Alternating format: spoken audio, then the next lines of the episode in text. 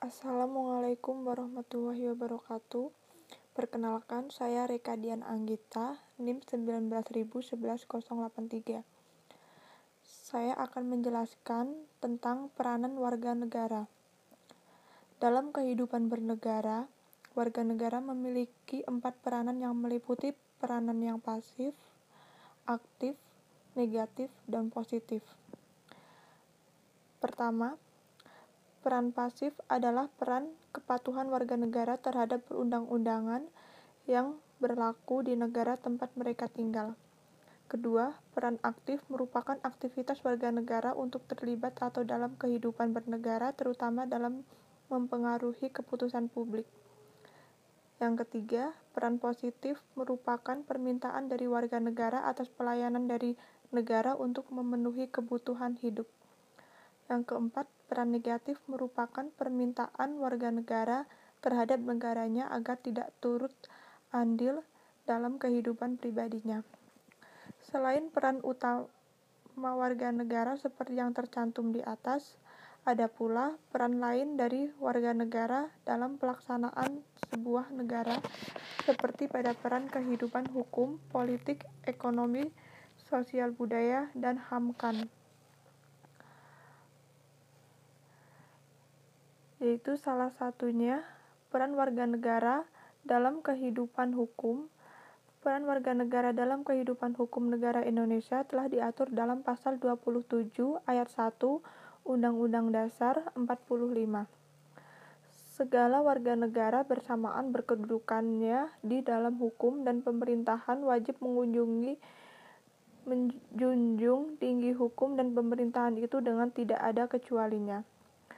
Peran warga negara dapat tercermin dari beberapa peranan sebagai berikut: menciptakan kultur taat hukum yang sehat dan aktif, kultur of law, ikut mendorong proses pembuatan hukum yang aspiratif atau proses of lawmaking, lalu mendukung pembuatan materi-materi hukum yang responsif atau context of law ikut menciptakan aparat penegak hukum yang jujur dan bertanggung jawab atau disebut struktur of law.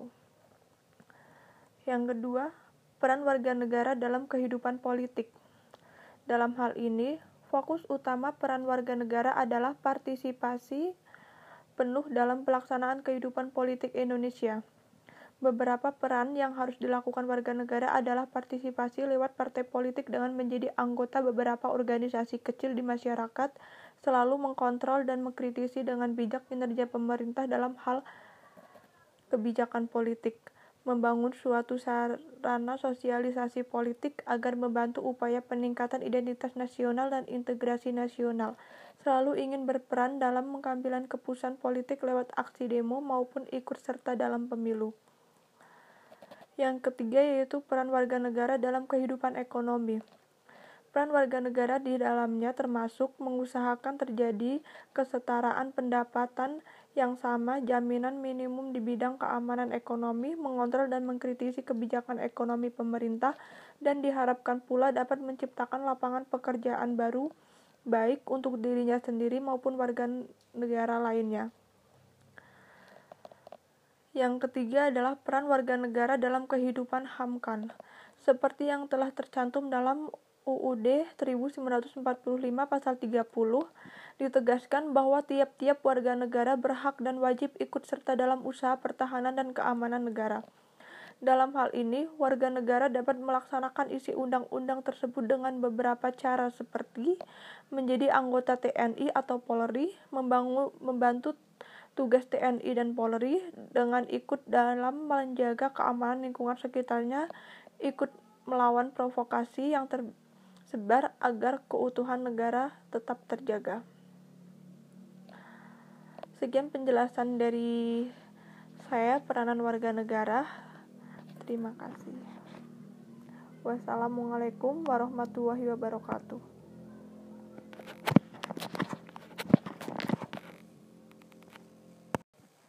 Assalamualaikum warahmatullahi wabarakatuh.